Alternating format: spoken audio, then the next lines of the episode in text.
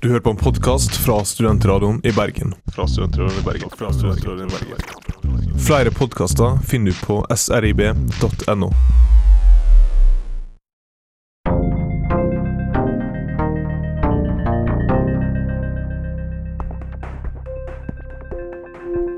Tankesmier, tenketanker, thinktanks eller brain thrusts. Kjært barn har mange navn, men hva er egentlig dette fenomenet som stadig får mer plass i det offentlige norske ordskiftet? Er de politiske partienes indre liv blitt så svakt at vi trenger tankesmier som arenaer for idédebatt, eller er det rett og slett et demokratisk problem? Tankesmier er et kjent fenomen i land som USA, Storbritannia og Sverige. Kritikere hevder det er en måte å kjøpe forskningsresultater på. Er det problematisk for den frie tanke å være finansiert av næringslivet? Du hører på Studentsamfunnet på radio, programmet som gir deg opptak av møter og debatter i regi av Studentsamfunnet her på Studentradioen i Bergen.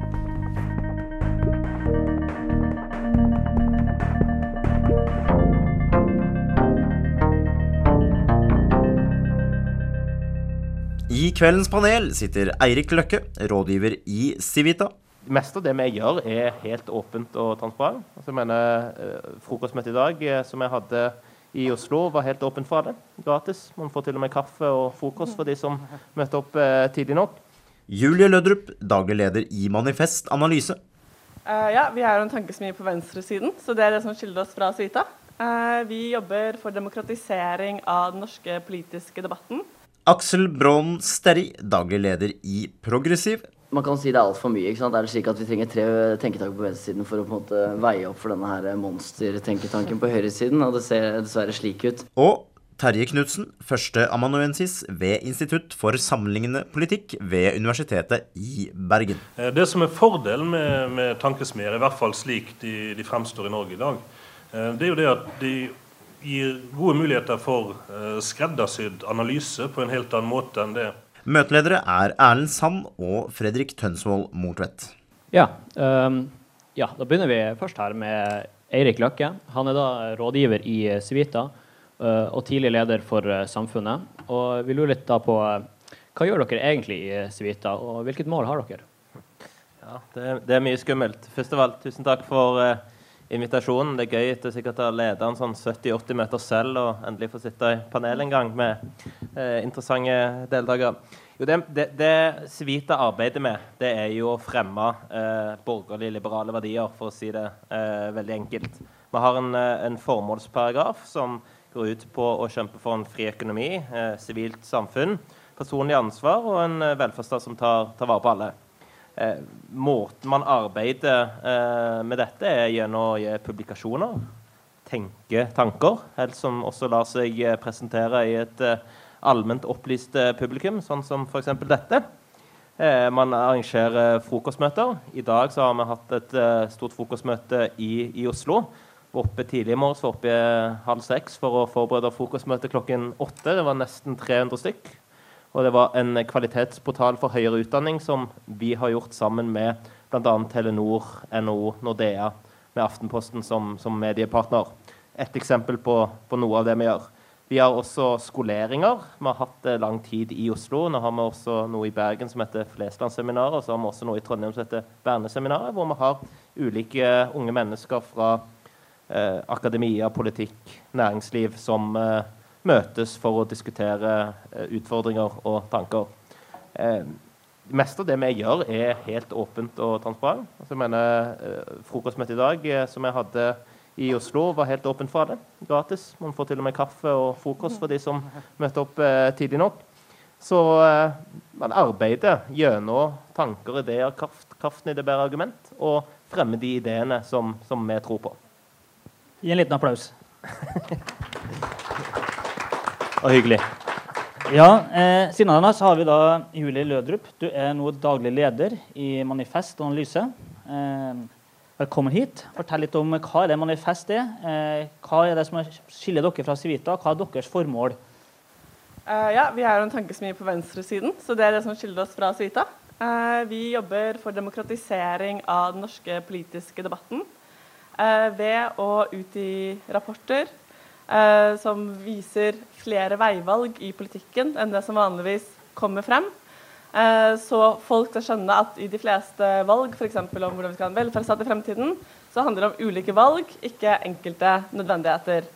Eh, vi lager også eh, pamfletter for å demokratisere nedenifra. Eh, enkle, lettleste hefter om viktige temaer som er viktige for folk flest, der de både kan lese hvordan de selv kan bedre sin situasjon lokalt der de bor og der de jobber, og også om de politiske bakteppet for de sakene. Eh, vi vil eh, kombinere folks virkelighet, folks reelle problemer, med ekspertise eh, for å gjøre folk i stand til å selv skape endring i den politiske debatten og i eget liv. Takk. Applaus.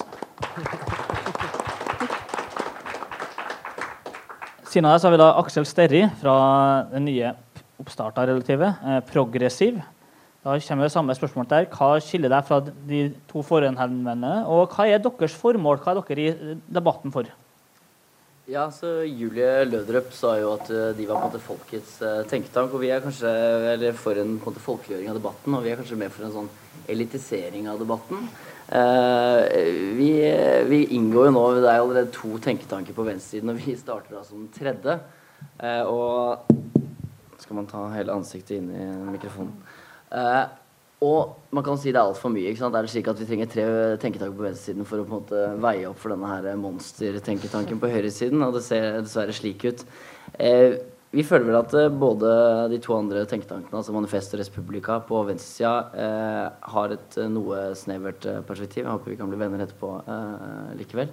Eh, men og at vi, vi prøver da bli en mer sånn omfattende, omfattende tenketank som eh, hegner eh, Eller som prøver å strekke seg helt fra, helt fra de progressive krefter i Rødt eh, til de sosialliberale krefter i KrF og i, i, Venstre, hvis det skulle være noen som er interessert i et progressivt prosjekt der. og det vi, vi, vi, søker, er å få inn spennende unge folk. Eh, folk som ønsker å tenke, og da tenke prinsipielt. Vi føler at det tenkes eh, veldig mye for så vidt i norsk offentlighet. Men det tenkes ikke grunnleggende nok. Hvorfor har vi egentlig de verdier? De tas ofte for gitt. Hvorfor er vi egentlig for likhet eller frihet, eller hva vi nå er for? Hva er egentlig meningen med dette her? Eh, det er debatter vi ønsker å, å løfte, eh, og gjøre det både gjennom å trekke på politisk filosofi, men også trekke på solid forskning og løfte fram det i offentligheten. Samtidig ønsker vi en, en, en skolering, skolering internt, Eh, men også løfte dette gjennom eh, debatt, eh, debatter, og selvfølgelig ha et ja, vordende bloggkollektiv nå, som er modellert på denne Minerva sitt utrolig spennende prosjekt, hvor man da løfter fram stemmer fra veldig mange forskjellige sfærer av offentligheten.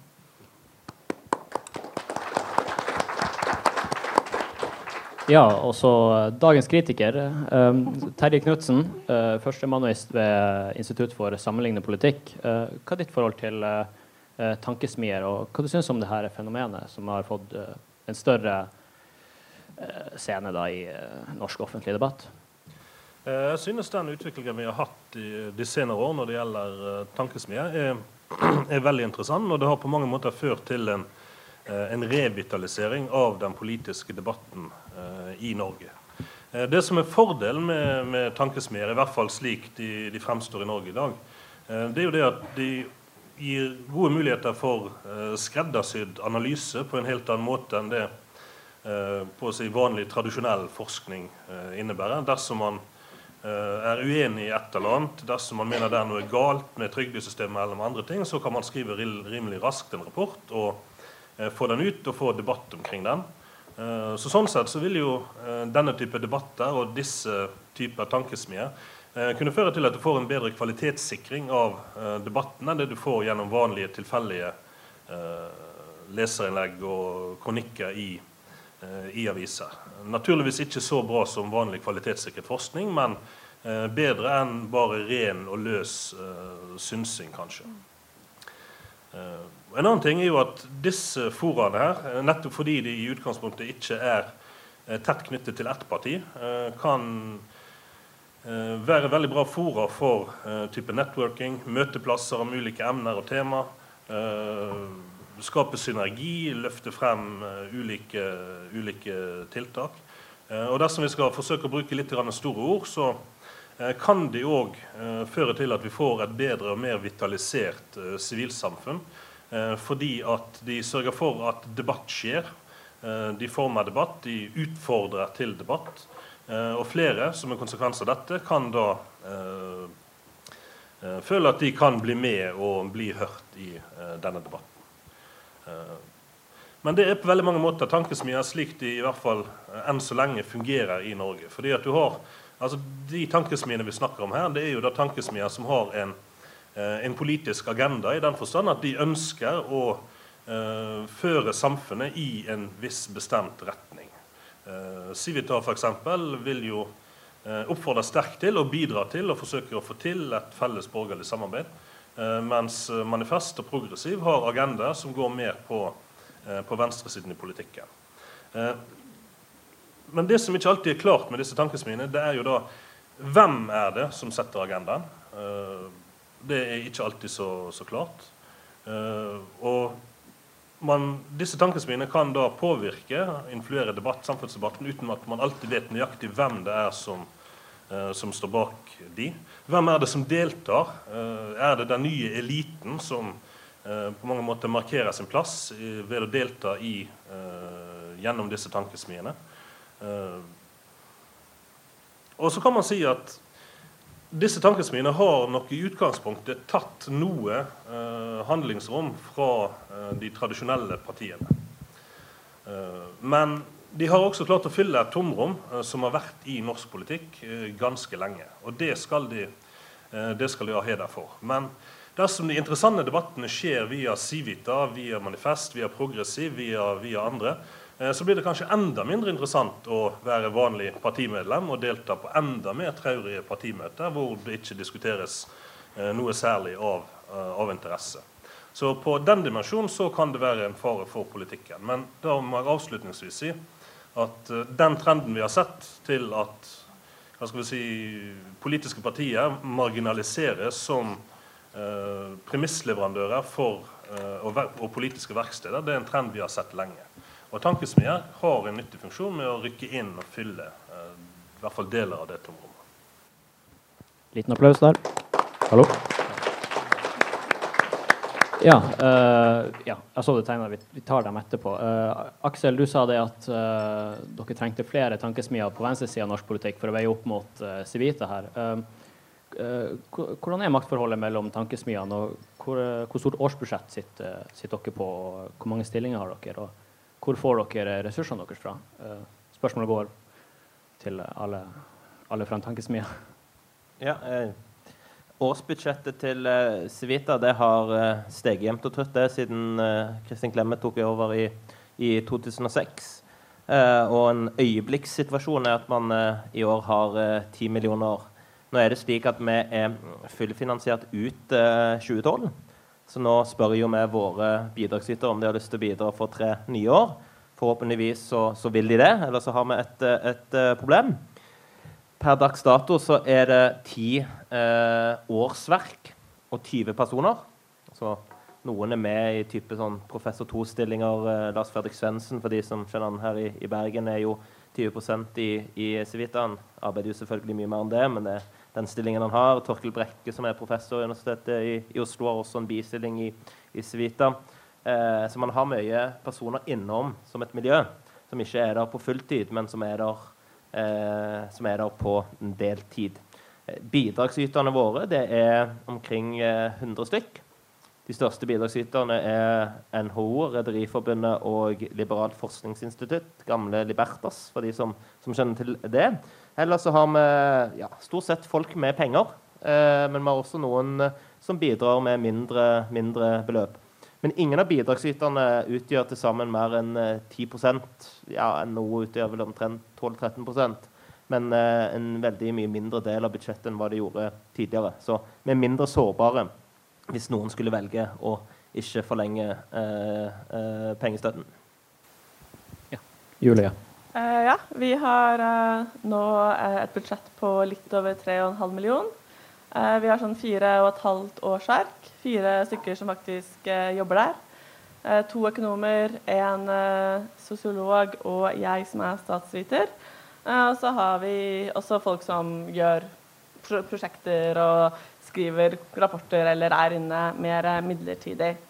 Eh, størsteparten av finansieringen vår kommer gjennom en abonnementsordning, eh, der foreninger og organisasjoner kan tegne abo abonnementer hos oss eh, fra 1500 kroner til 500 000.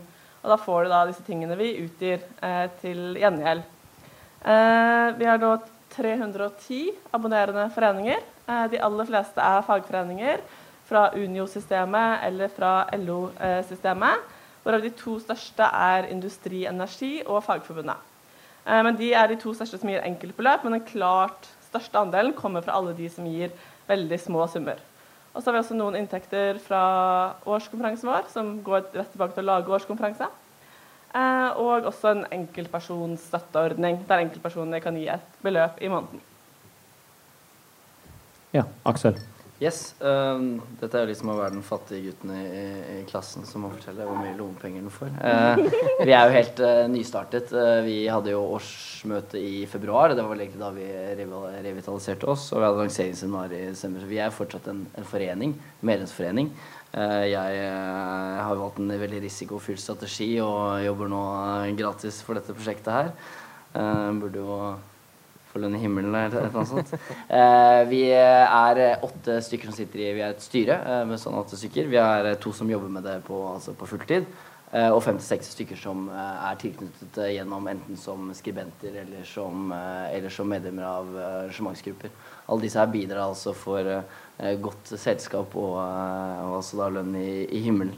Så, eh, men eh, det er klart at når det kommer til finansiering, syns vi den modellen som, eh, som Civita har valgt, er, er, definitivt den beste. Vi vil lene oss tungt på partiene for så vidt mer enn det Manifest gjør. Men det, det, er nettopp spredningen i finansieringen som jeg tror er en, er en ekstremt viktig, viktig, del for å slippe at tankesmiene blir, tankesmiene blir gissel for noen interesseaktører. det er veldig lite spennende med tanke, tenketanker som ikke er uavhengig nok til å kunne gå på tvers av eh, sine finansiørers uh, interesser. Uh, og dermed er det ekstremt viktig å få til den spredningen som man får til uh, hos Civita. Så det er definitivt en modell. Ok, ja.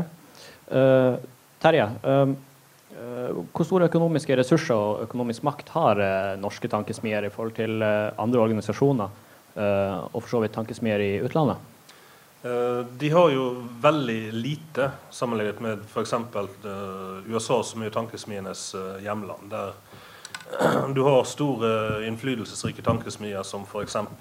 Ja, Heritage Foundation, Cato Institute, som er jo på mange måter milliardindustrier. da, Har omsetning på kanskje flere hundre millioner kroner og milliarder av på sin type fondsinntekter. Så sånn sett, Men tenketanker i, uh, i, Norge er jo også et ganske, ganske nytt fenomen. Det, det, er ikke så lenge siden Civita ble, ble grunnlagt. Mens uh, f.eks. en av de mer kjente tenketankene i, uh, i USA, som uh, Rand Institution, de ble jo stiftet i 1945, om jeg husker riktig. og hadde jo da i hvert fall veldig tette forbindelser til det militærindustrielle kompleks i, i USA. Og da var jo ikke Eh, da var jo ikke penger noe stort problem. Ja, eh, dere har nå vært både åpne om hvor dere ønsker å dra samfunnet, og hvem som finansierer veien dit, for å si det sånn. Eh, og Da blir mitt spørsmål, da, som jeg skal gå litt til hver enkelt av dere, det er eh, er det ikke en fare for at dere ikke klarer å være kritisk overfor de som gir dere penger sjøl? Ta deg, Erik, først. da. Har dere skrevet noe mye om eh, rederibeskatning eller eh, den type problemstillinger i Civita? Vi har jo gitt ut en bok om, eh, som Lars Peder Nordbakken skrev om en fri og dynamisk markedsøkonomi, hvor vi tar til orde for å ha minst mulig fradrag og eh, bl.a. ikke ha noen rederibeskatning sånn som man har i dag, uten at det har vært noe, noe problem. Men hovedsakelig så har vi bidragsytere som, som støtter det overordna prosjektet. Eh, noen ganger så skulle vi kanskje noen ganger håpet at de var enda mer interessert i å fortelle hva, hva de egentlig har lyst til at vi, vi skal skrive om. Eh, vi nyter eh, bare snakke personlig, veldig stor frihet i å velge hvilke prosjekter og hvilken tematikk man ønsker å eh, belyse. Men vi har jo gitt ut ting som ikke våre bidragsytere nødvendigvis er enig i. Enten dette gjelder en forholdsvis liberal innvandring- og integreringspolitikk, om det gjelder taxfree-ordningen som vi tok til orde for å kutte for en, for en del år siden. Eh, og så er det jo også slik at eh, folk i Civita har ulike meninger. Det skal man ha rom for. Selvfølgelig så drar du ikke inn folk som ønsker å innføre planøkonomi i, i morgen. Men innenfor den eh, borgerlig-liberale sfæren så er det rom for forholdsvis store, stor uenighet.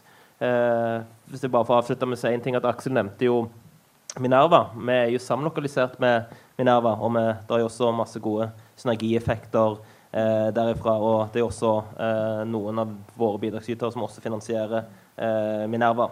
Slik at dette, dette har foreløpig ikke vært noe problem. Skulle det være noe problem, så er vi organisert slik at vi har en redaktørplakat.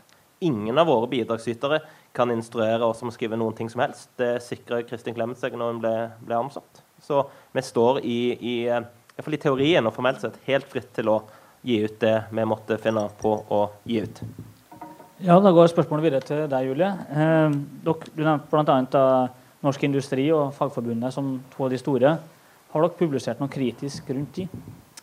Altså, vi har jo ikke publisert noen rapporter som handler om Fagforbundet. Hva er galt? Eh, men det er jo sånn som Eirik sier, at vi blir jo finansiert av de som er enige med det store prosjektet vårt, med å ha en mer eh, demokratisk og offensiv venstreside i Norge. Eh, og det som er djevelen blant finansieringsmetoder, er prosjektfinansiering. For da blir man jo styrt inn på hva de som gir prosjektfinansiering, ønsker at du skal jobbe med. Så det har vi ikke. Vi har bare en abonnementsordning, og folk må gir oss penger uansett hva vi eh, driver med. Eh, og vi gir jo ting som på det vi mener, f.eks. gått ut og vært kritisk til frontfagsmodellen som ikke er noe Industri Energi er noe særlig enig med oss i. Eh, og på en måte har, ikke, har som utgangspunkt det vi som jobber der, syns er viktige ting å ta opp på dagsordenen. Um, ja, og vi ville jo aldri tatt imot finansiering fra noen som var grunnleggende uenig med prosjektet vårt. Uh, men fra, hva skal jeg si, fra LO Trondheim, da, som er Rødt-dominert, til Fellesforbundet, uh, som er, består av stort sett av høyresiden Arbeiderpartiet, er det et veldig stort politisk spenn. Og alle de finansierer jo eh, det vi gjør, og støtter prosjektet. Ja, Aksel? Nei, altså jeg tenker det, det, jeg, jeg, er veldig redd, redd, for det. Altså, vi har vært i kontakt med fagbevegelsen, vi òg. Og, og, det er åpenbart Er det ett sted du skal gå i Norge hvis du skal starte noe du trenger penger til det, så er det fagbevegelsen du går til. Eh, på høyresiden så er det åpenbart andre aktører som er viktige å, å gå til. Eh, men det er, veldig, det er en veldig sånn farlig vei å gå også. Eh, fordi du nettopp risikerer at det blir politikken eh, som styrer hvilke måte, prinsipper som gis, framfor at det er de grunnleggende prinsipper som styrer måte, de konklusjoner eller de reformforslag eller hva man nå kommer fram til. Så jeg tror man skal passe seg veldig for ikke bli den det organet som kamuflerer egentlig de interesser som står bak. Eh, det er, det er en fare ved, fare ved, tenketanker. At de eh, framstår som mer objektive og nøytrale enn det de er. Eh, og egentlig da er Om det er fagbevegelsen eller Rederiforbundets utredningskontor. Det skal man definitivt vokte seg vel for. Ja, Terje. Du er jo på offentlig lønn, håper vi. Eh, og det er jo en, en problemstilling at Mye av forskninga i Norge er jo, ikke finansiert, eller er jo kun finansiert av staten. Mens disse her er jo da henholdsvis finansiert fra da næringslivsbedrag eller fagforeninger. Eh, kan ikke det være en styrke? altså At det kan gi en eh, mulighet til å stille andre spørsmål enn det kanskje forskere tør å stille? Eh, det kan det naturligvis alltid gjøre. og i forlengelsen av det så er jo Et av problemene mener i hvert fall veldig mange i norsk forskning, er jo at det er for mye programforskning og for lite friforskning. Eh, så det er jo klart at Når Forskningsrådet kjenner fremtiden ved at de da lyser ut uh, tematiske programmer som man vil at forskere skal uh, forske på, så har jo vi, siden vi ikke får frie forskningsmidler, eller nesten ikke, noe annet alternativ enn å forske på det staten vil at vi skal forske på. Så det, det er jo naturligvis klart et, et dilemma. Men den forskningen som skjer, er jo da eh, automatisk gjennom fagfellevurdering og andre mekanismer. Den er jo da eh, evaluert og funnet at den tilfredsstiller objektive vitenskapelige kriterier. I prinsippet, i hvert fall. Eh, det er ikke alltid tilfellet når det gjelder rapporter fra folk som har, eller organisasjoner som har en agenda. Og deri ligger naturligvis faren. Jeg så i dag i et oppslag som jeg ikke har fått sett nærmere på, siden jeg sitter her, men NHO kutter nå støtten til Europabevegelsen med 1 million kroner. Den har vært på 1,75 millioner i inneværende år, og neste år får de ingenting. De skulle få 1 million. Og Årsaken sto det i hvert fall i pressen, så jeg har ikke fått, fått sjekket det nærmere, er at Europabevegelsen og EU forsøker nå å implementere et nytt direktiv for eh, oljeplattformer, eh, bygging, vedlikehold, reparasjon av den type ting, som er strengere enn norsk lovgivning. Og det synes ikke Statoil, som er med i NHO, er en god idé. Det er den type mekanismer som man skal være veldig oppmerksom på. Eh, dersom man har ti bidragsytere som hver får 1 million man får 1 million kroner fra, og den ene bidragsyteren sier at vi trekker støtten dersom dere fortsetter å gnåle om det ene eller det andre. Eh, da er fristelsen veldig lett for en tankesmi og alle andre organisasjoner til å tenke at ja, ja, men da, da snakker vi ikke så høyt om det, eller da, da legger vi den i rapportideen i, i skuffen, selv om eh, man i tankesmia eh, mente det var en god idé.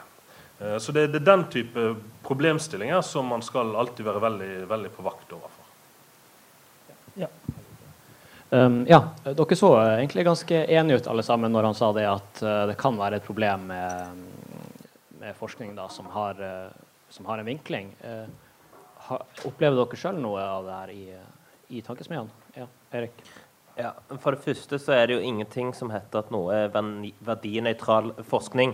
Forskere har alltid et utgangspunkt. Jeg mener etter min mening så er det jo en fordel når f.eks. Frank Aarebot står og offentlig sier han er arbeiderpartimann. Eh, så verdinøytral forskning som sådan, det tror jeg ingenting på. Han liker forskning, eller? Ja, Det kan være ditt, din, din, kommentar. Han er nå professor i, i, i Sampol her. Eller ta Kalle Måne, da, som jo også eh, leder noe så, så, som faktisk er fremragende forskning eh, i Universitetet i Oslo, som også er veldig tydelig hvor han står i politikken. Betyr det at forskningen er, er mindre verdt eller mer tvilsom? Nei, snarere tvert imot, vil jeg si. Så lenge man er åpen om metoder, man er transparent om måten man gjør det på, og følger de kravene som stilles til, til vitenskapelighet. Eh, nå har Civita vært veldig tydelig på at vi driver ikke forskning som eh, andre, med at man eh, publiserer, selv om noen av, våre, eh, noen av våre ansatte også gjør det. Men da mest i kraft av sin akademiske posisjon. Eh, så driver vi rapporter hvor vi har et klart verdiutgangspunkt. Eh, men så lenge vi er redelige og åpne om de tingene vi gjør, så tror jeg det er heller en fordel for dere og for alle andre at man er tydelig på hvor man står. Og så tror jeg man må være ekstra nøye med å ikke bli tatt i faktafeil eller i juks og den type ting. For det man vil bli lest mer kritisk enn en hvilken som helst forsker som hele veien kan bruke sin autoritet. Og det er også god grunn til at vedkommende kan gjøre det. Eh, vi blir lest mer kritisk, og, det, og, det, og, sånn skal det også være. Men det, det må vi være tydelige på. Ja. Julie? Uh, ja, nei, det er jeg veldig enig i. Uh, og vi driver heller ikke med grunnforskning, og det har vi aldri latt som heller. Vi driver med utredninger på temaer vi mener er for lite belyst i samfunnsdebatten for øvrig. Uh, og det skal jo alltid være faktabasert, det skal alltid være redelig. men den politiske slagsiden kommer jo vanligvis inn på hva slags spørsmål man stiller. Hva man begynner å utrede. Og vi har da f.eks. laget en utredning Eh, der vi har framskrevet det politiske handlingsrommet frem mot 2060 basert på Finansdepartementets eh, framskrivninger. Eh, der, kan, der Finansdepartementet har framskrevet at man antagelig må kutte velferdsstaten, mens de har brukt de samme tallene for å vise at med skatteøkninger så kan, trenger man ikke å kutte velferdsstaten. For å måtte synliggjøre at det er et valg. Da. Og da har vi jo kommet med en ny utredning som har bidratt til ny kunnskap i norske politiske debatten, som ikke er verdinøytral, men som samtidig er ærlig, redelig, faktabasert eh, rapport. Analyse. Ja, uh, Terje? Ja, bare en kommentar til det med, med verdifri forskning. Altså, verdifri forskning er jo naturligvis uh, alltid et, uh, et, ideal. og Det er en klar forskjell på forskning og på, uh, på utredning som sådan. I en utredning så kan man være veldig klar og presis og god referansebruk når man skriver om det man skriver om, men man trenger ikke fortelle alt. Dersom det er en bakside med et eller annet, så kan man i større grad glatt gå over det. Men dersom jeg får et forskningsprosjekt som går på å evaluere la oss si, en eller annen arbeidslivsreform, og jeg setter i gang og ansetter medforskere og, og jobber med det selv, så ville det være drepen for meg dersom jeg da i den forskning, forskningen og forskningsrapportene som kom, ble vist at jeg hadde en eller annen slagside for eller mot den reformen. Det, det er ikke min jobb. Det er politikernes jobb, det er andre beslutningstageres jobb eh, å si at gitt resultatene av denne reformen, at den har slått ut som forventet, eller at den ikke har slått ut som forventet, og hva kan vi eh, foreslå for å forbedre eller, eller endre det, så må den kunnskapen være mest mulig objektiv og verdifri.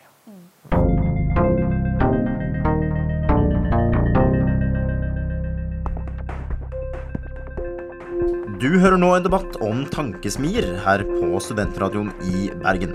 I panelet sitter Eirik Løkke, rådgiver i Civita, Julie Lødrup, daglig leder i Manifest Analyse, Aksel Braan Sterri, daglig leder i Progressiv, og Terje Knutsen, førsteamanuensis ved Institutt for sammenlignende politikk ved Universitetet i Bergen. Møtet ledes av Erlend Sand og Fredrik Tønsvold Mortvedt.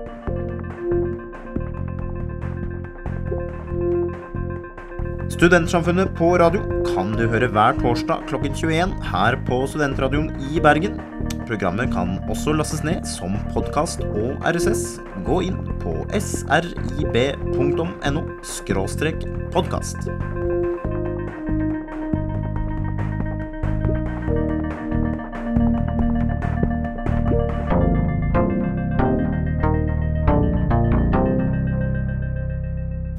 Aksel? Nei, altså jeg vil signere det siste. Altså det er et eller annet med det der um, Man kan godt si nettopp at uh, ja, det fins ikke uh, verdifri forskning, og derfor kan man egentlig bare Derfor er det fint hvis Civita starter et forskningsinstitutt på en måte for å balansere den ellers så skjeve, skjeve forskningsverden uh, bestående av alle land i, i verden. Jeg syns det er litt merkelig, merkelig tanke at man må lage så mye selv, produsere selv. Det er veldig verdsatt av veldig mange. Man sier at det er veldig viktig at dere kommer med rapporter og viser hånda. Dette er, ikke sant? Her gjøres det et arbeid. Men det fins ekstremt mye forskning, grundig forskning som går gjennom fagfellevurderinger, som altså har, eh, følger de vitenskapelige normer. Det må de, må de gjøre, så blir de tatt. Men så her driver man altså og i veldig stor grad og cherrypicker eh, ulike case. Man kan se til Sverige eh, fordi det fungerte der, og så glemmer man Finland hvor det ikke fungerte. Eller så ser man veldig snevert på Norge når man prøver å eh, belyse noe. F.eks. kan man gå gjennom uføretrygd, og så ser man at ja, det er ekstremt mange eh, unge nå på uføretrygd. Og greit, men det har, det har ikke økt noe særlig. altså Det er et moment. ikke sant?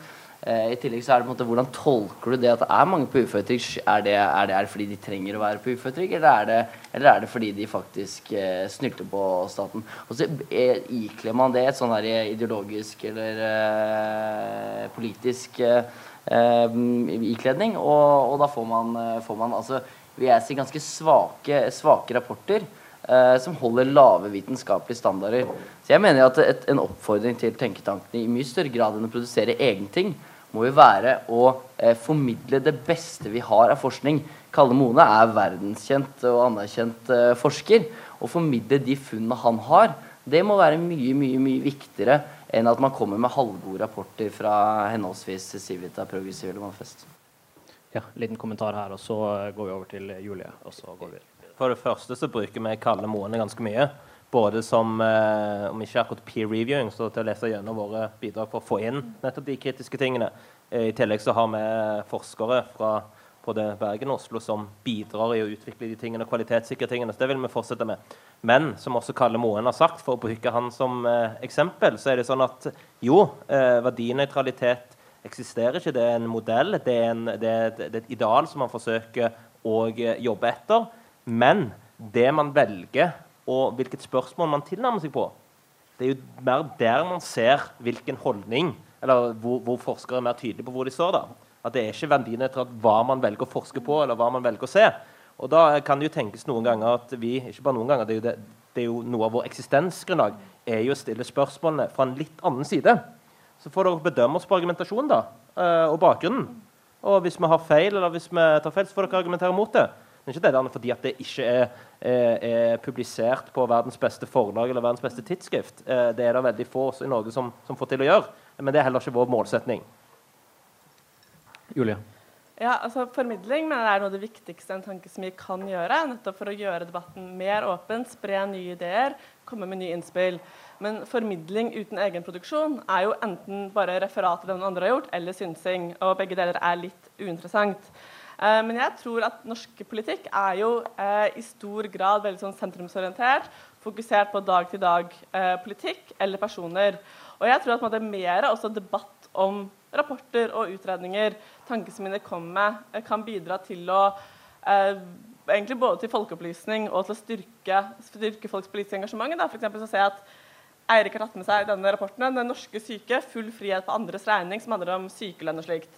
Uh, og Det er jo en 100% faktabasert og interessant uh, rapport om det. Men også et veldig sterkt høyresideblikk. Uh, og det er jo helt greit. Og et foredrag jeg har holdt veldig mange ganger, er å gå gjennom den rapporten og vise hvordan man kan vise alle faktaene med en helt annen vinkling. Eh, som viser det vi mener er en virkeligere virkelighet, uten at det er noe galt eller uredelig med denne rapporten. Denne rapporten mener jeg har styrket sykelønnsdebatten i Norge, fordi at det også har gitt ekstra rom til venstresiden for å på en måte, imøtegå eh, de påstandene, i stedet for at måte, den politiske debatten skal styres av Dagbladet-journalister. Ja, uh, Aksel? Ja, så Det er et merkelig med det her uh, å se ned i så fall på å være, uh, drive referat. altså det er, det er, et faktum at over 50% av de tidsskriftsartikler som skrives av gode, mer eller mindre gode forskere, aldri siteres internt i forskningsmiljøer. Og så er det sikkert 95% som aldri når mediene, og så er det 0,5% som når folk flest. Så det å drive, drive altså Man må drive en tolkning av også disse funnene. Eh, syntetisere. Eh, se, på ulike, se på ulike fagretninger. Hva er det økonomer kan tilby, hva er det statsråder kan tilby, hva kan filosofer tilby. Eh, og så eh, komme med ting ut fra det, komme med kritikk ut fra for, for, forhold til det, er kanskje bedre praksis enn nettopp å, eh, nettopp å ansette en som ikke ble ansatt på universitetet, til å skrive en uh, litt kvasirapport. Ja, og En ting som man kanskje ikke gjør på universitetet, men som eh, dere gjør, det er jo å se framover i tid og ha meninger om hva slags Norge dere ønsker dere, og hva slags Norge dere ønsker å eh, bringe fram. Det er litt det perspektivet vi tenker skal løfte nå. Altså Hvis vi ser i 2020, eh, sånn åtte år eh, fram i tid, to, to stortingsperioder nesten fram eh, Hvis dere liksom bekler regjeringskontorene, eller har bekler i hvert fall idéhegemoniet, hva slags reformer og hva slags eh, problemstillinger er det dere da mener er det viktigste? Kan vi begynne med deg, Erik? Ja, først av alt, så for å, for å sitere Kåre Willoch, så er spørsmålet litt feil stilt. i den forstand at Civita ikke tar mål av seg å styre Norge. Det vi har lyst til å bidra med, er det er det andre som er faktisk mer kompetente til. Det vi har lyst til å bidra med, er å komme med perspektiver som eh, eh inn i debatten fram mot 2020. Bl.a. på hvilken type velferdsstat man skal Hvordan skal man utvikle den norske eller den nordiske modellen? Hvilke ja. typer reformer skal man gjøre i den? Og Hvilke reformer vil det vel være? Nei, Man ser bl.a. på en mer liberal innvandringspolitikk. Det er noe som vi kommer med en rapport nå etter, etter påske, som også tar for seg integreringen. hvor vårt perspektiv er at ting går bedre enn hva mange tror. Enn hva som ofte kommer frem i, i, mediene. Vi ønsker en, en skattereform som vi har offentliggjort for litt siden, som bl.a. Eh, fjerner eh, rentefradraget. Det er altfor lukrativt å eie bolig kontra andre ting i dette landet. Og det tror jeg har uh, veldig mange i tenketankmiljøet med meg, men dessverre ikke så mange i de politiske partiene. Sier noe om hvorfor man trenger en tenketank som kan røske opp i sånne type fastlåste uh, situasjoner. Og ikke minst reformer som uh, styrker personlig ansvar og styrker verdiskapningen i Norge. Ja, Julie, hvilke reformer dere peker på? Ja, altså, vi er jo heller ikke noe politisk parti og har derfor ikke noe program eller noe vi ønsker skal på en måte ha skjedd i 2020. Uh, eh, jeg ønsker at det først og fremst skal ha skjedd en, en, demokratisering av debatten. for jeg tror også Det fører til bedre og mer virkelighetsnær politikk, og ikke liksom BI-økonompolitikk. Uh, men da kommer det konkrete prosjekter. Da jeg ja, jeg, jeg mener at man må se på finansieringen av velferdsstaten. Se på skattereformer uh, som styrker velferdsstaten og kan gjøre at vi kan bevare den med en eldre befolkning, og samtidig gjør skattesystemet mer progressivt. Uh, at vi har en balanse mellom offentlig og privat sektor. Uh, så man ikke får råd til mer julepynt og flere sydenturer nødvendigvis hvert år, mens man får dårligere skoler og dårligere sykehjem hvert år. og at man har et utdanningssystem som i større grad faktisk gir alle muligheten til å få noe ut av skolegangen, uavhengig av sosial bakgrunn. Og der yrkesfag eh, får den samme statusen og de samme ressursene som det studiespesialiserende og eh, studenter for.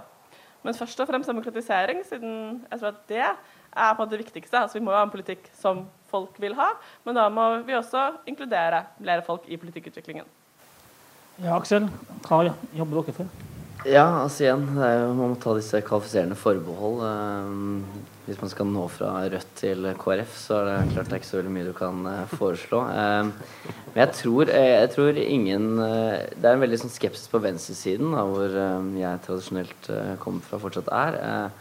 mot sånn valgfrihet når det kommer til både eldreomsorg, helse og, og skole, for den saks skyld. Jeg tror vi beveger oss i en retning, og jeg tror ikke nødvendigvis det er usunt, eh, at eh, man får velge mer selv.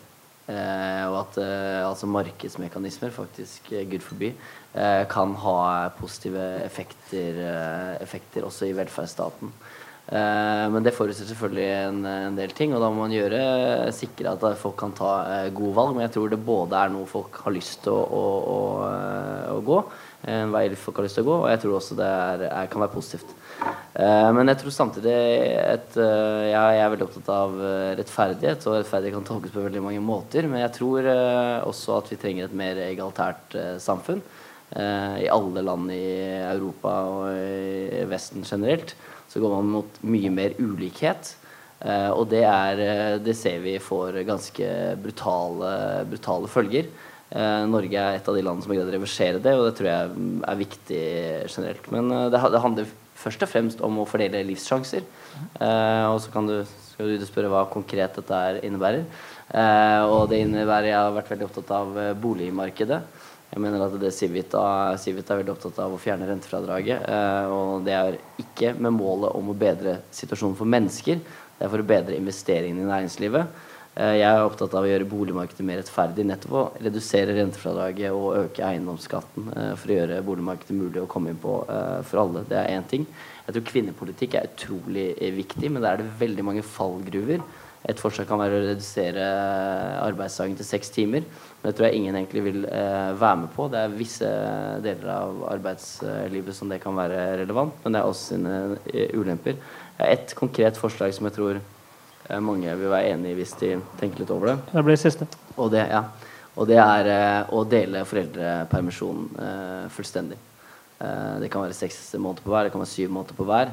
Ikke mulig å switche. Det vil både fordele arbeidsbyrdene i hjemmet, samtidig som det vil ikke straffe kvinner i arbeidslivet. Problemet er at kvinner har lyst til å være hjemme med barna sine. Eh, og problemet er at menn ikke har det, kanskje. Men det er et, tror jeg, et ja. godt, eh, godt, forslag. Ja, eh, Terje, når du hører disse tre, og du har lest mye om de, eh, Hvis man ser framover mot 2020, da, hvem tror du klarer å påvirke debatten mest? Hvilke trender tror du kommer til å slå seg gjeldende? Eh, det var et ganske stort spørsmål som tok meg fullstendig på senga. da. Eh, men det vi ser, det er jo det at det, det er det er noen problemer knyttet til den norske modellen også. Eh, fordi at altså veld, veldig, veldig, enkelt sagt eh, Kalle Moene og andre driver jo og forsker bl.a. på eh, liksom, hvorfor fungerer den norske modellen så godt. Eh, og de, de, har tør jeg påstå, i hvert fall ikke helt klart å finne fram til nøyaktig hva det er. Altså Det er en del elementer som er klart identifisert, som at vi har ganske bra institusjonalisert samarbeid mellom partene i, i arbeidslivet. Eh, den norske eller skandinaviske modellen der. Eh, vi har et nesten fullmobilisert samfunn med at 70-80 av alle voksne kvinner og menn er i, i arbeid. Vi har en konsensuskultur politisk i, i Norden som, som, er veldig verdifull. Vi har historisk sett hatt ganske små eh, forskjeller mellom oss. Egalitetstanken står veldig sterkt.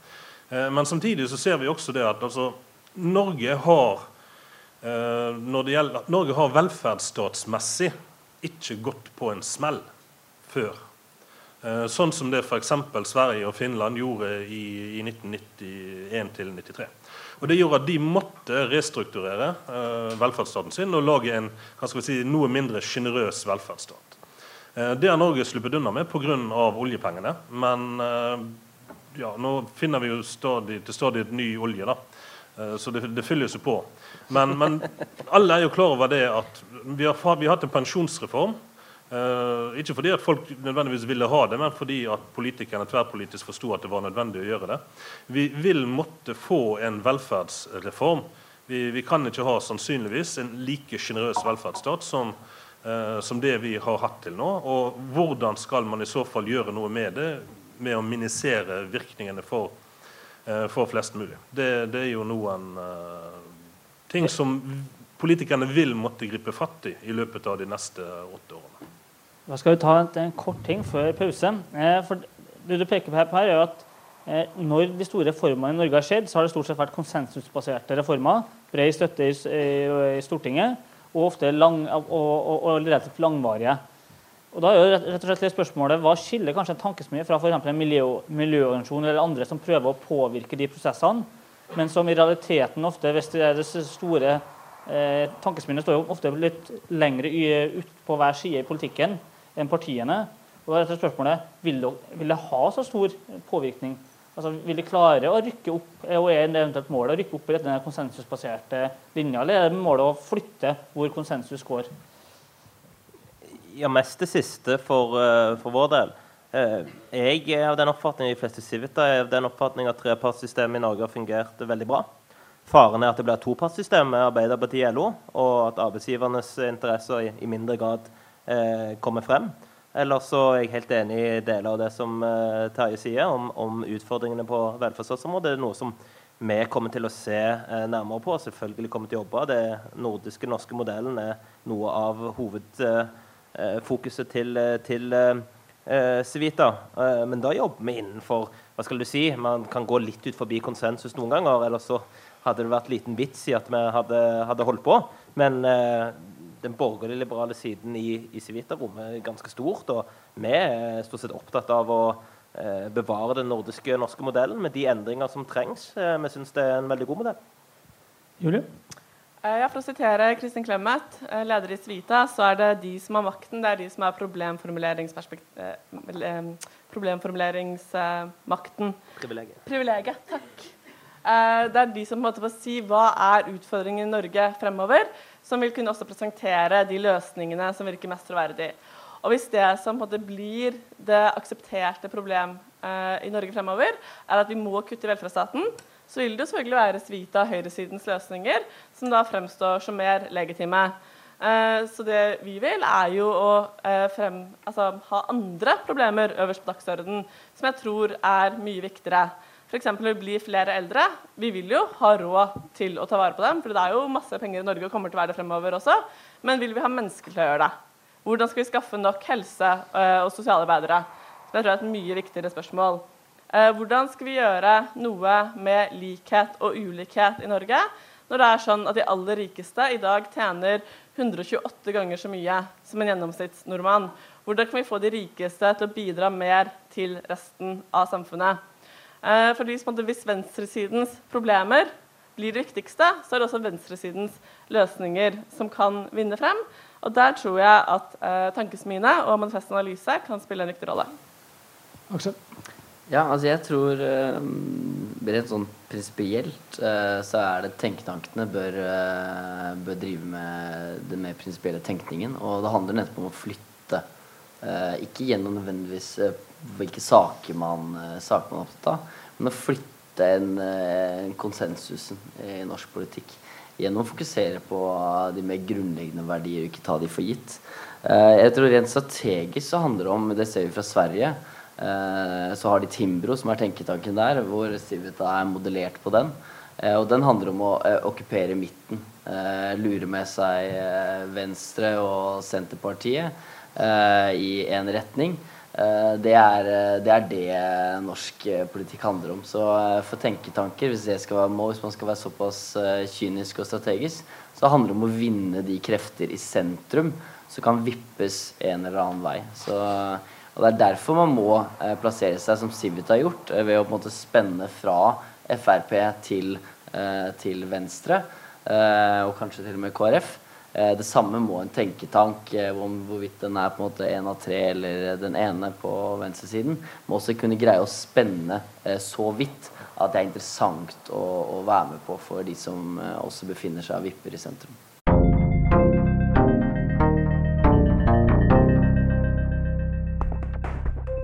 Du har nettopp hørt en debatt om tankesmier i Norge her på Studentradioen i Bergen. I panelet satt Eirik Løkke, rådgiver i Civita, Julie Lødrup, daglig leder i Manifest Analyse, Aksel Braan Sterri, daglig leder i Progressiv, og Terje Knutsen, førsteamanuensis ved Institutt for sammenlignende politikk ved Universitetet i Bergen. Møtet var ledet av Erlend Sand og Fredrik Tønsvold Mortvedt. Er det norske rettssystemet i stand til å håndtere saker så grusomme og omfattende som terrorhandlingene 22.07? Rettssaken mot Anders Behring Breivik starter den 16. april, og i den anledning arrangerer Studentsamfunnet i Bergen debatt om strafferettssystemet i Norge. Denne finner sted på Kvarteret torsdag 12. april klokken 18.00. I studio satt Andreas Rasmussen.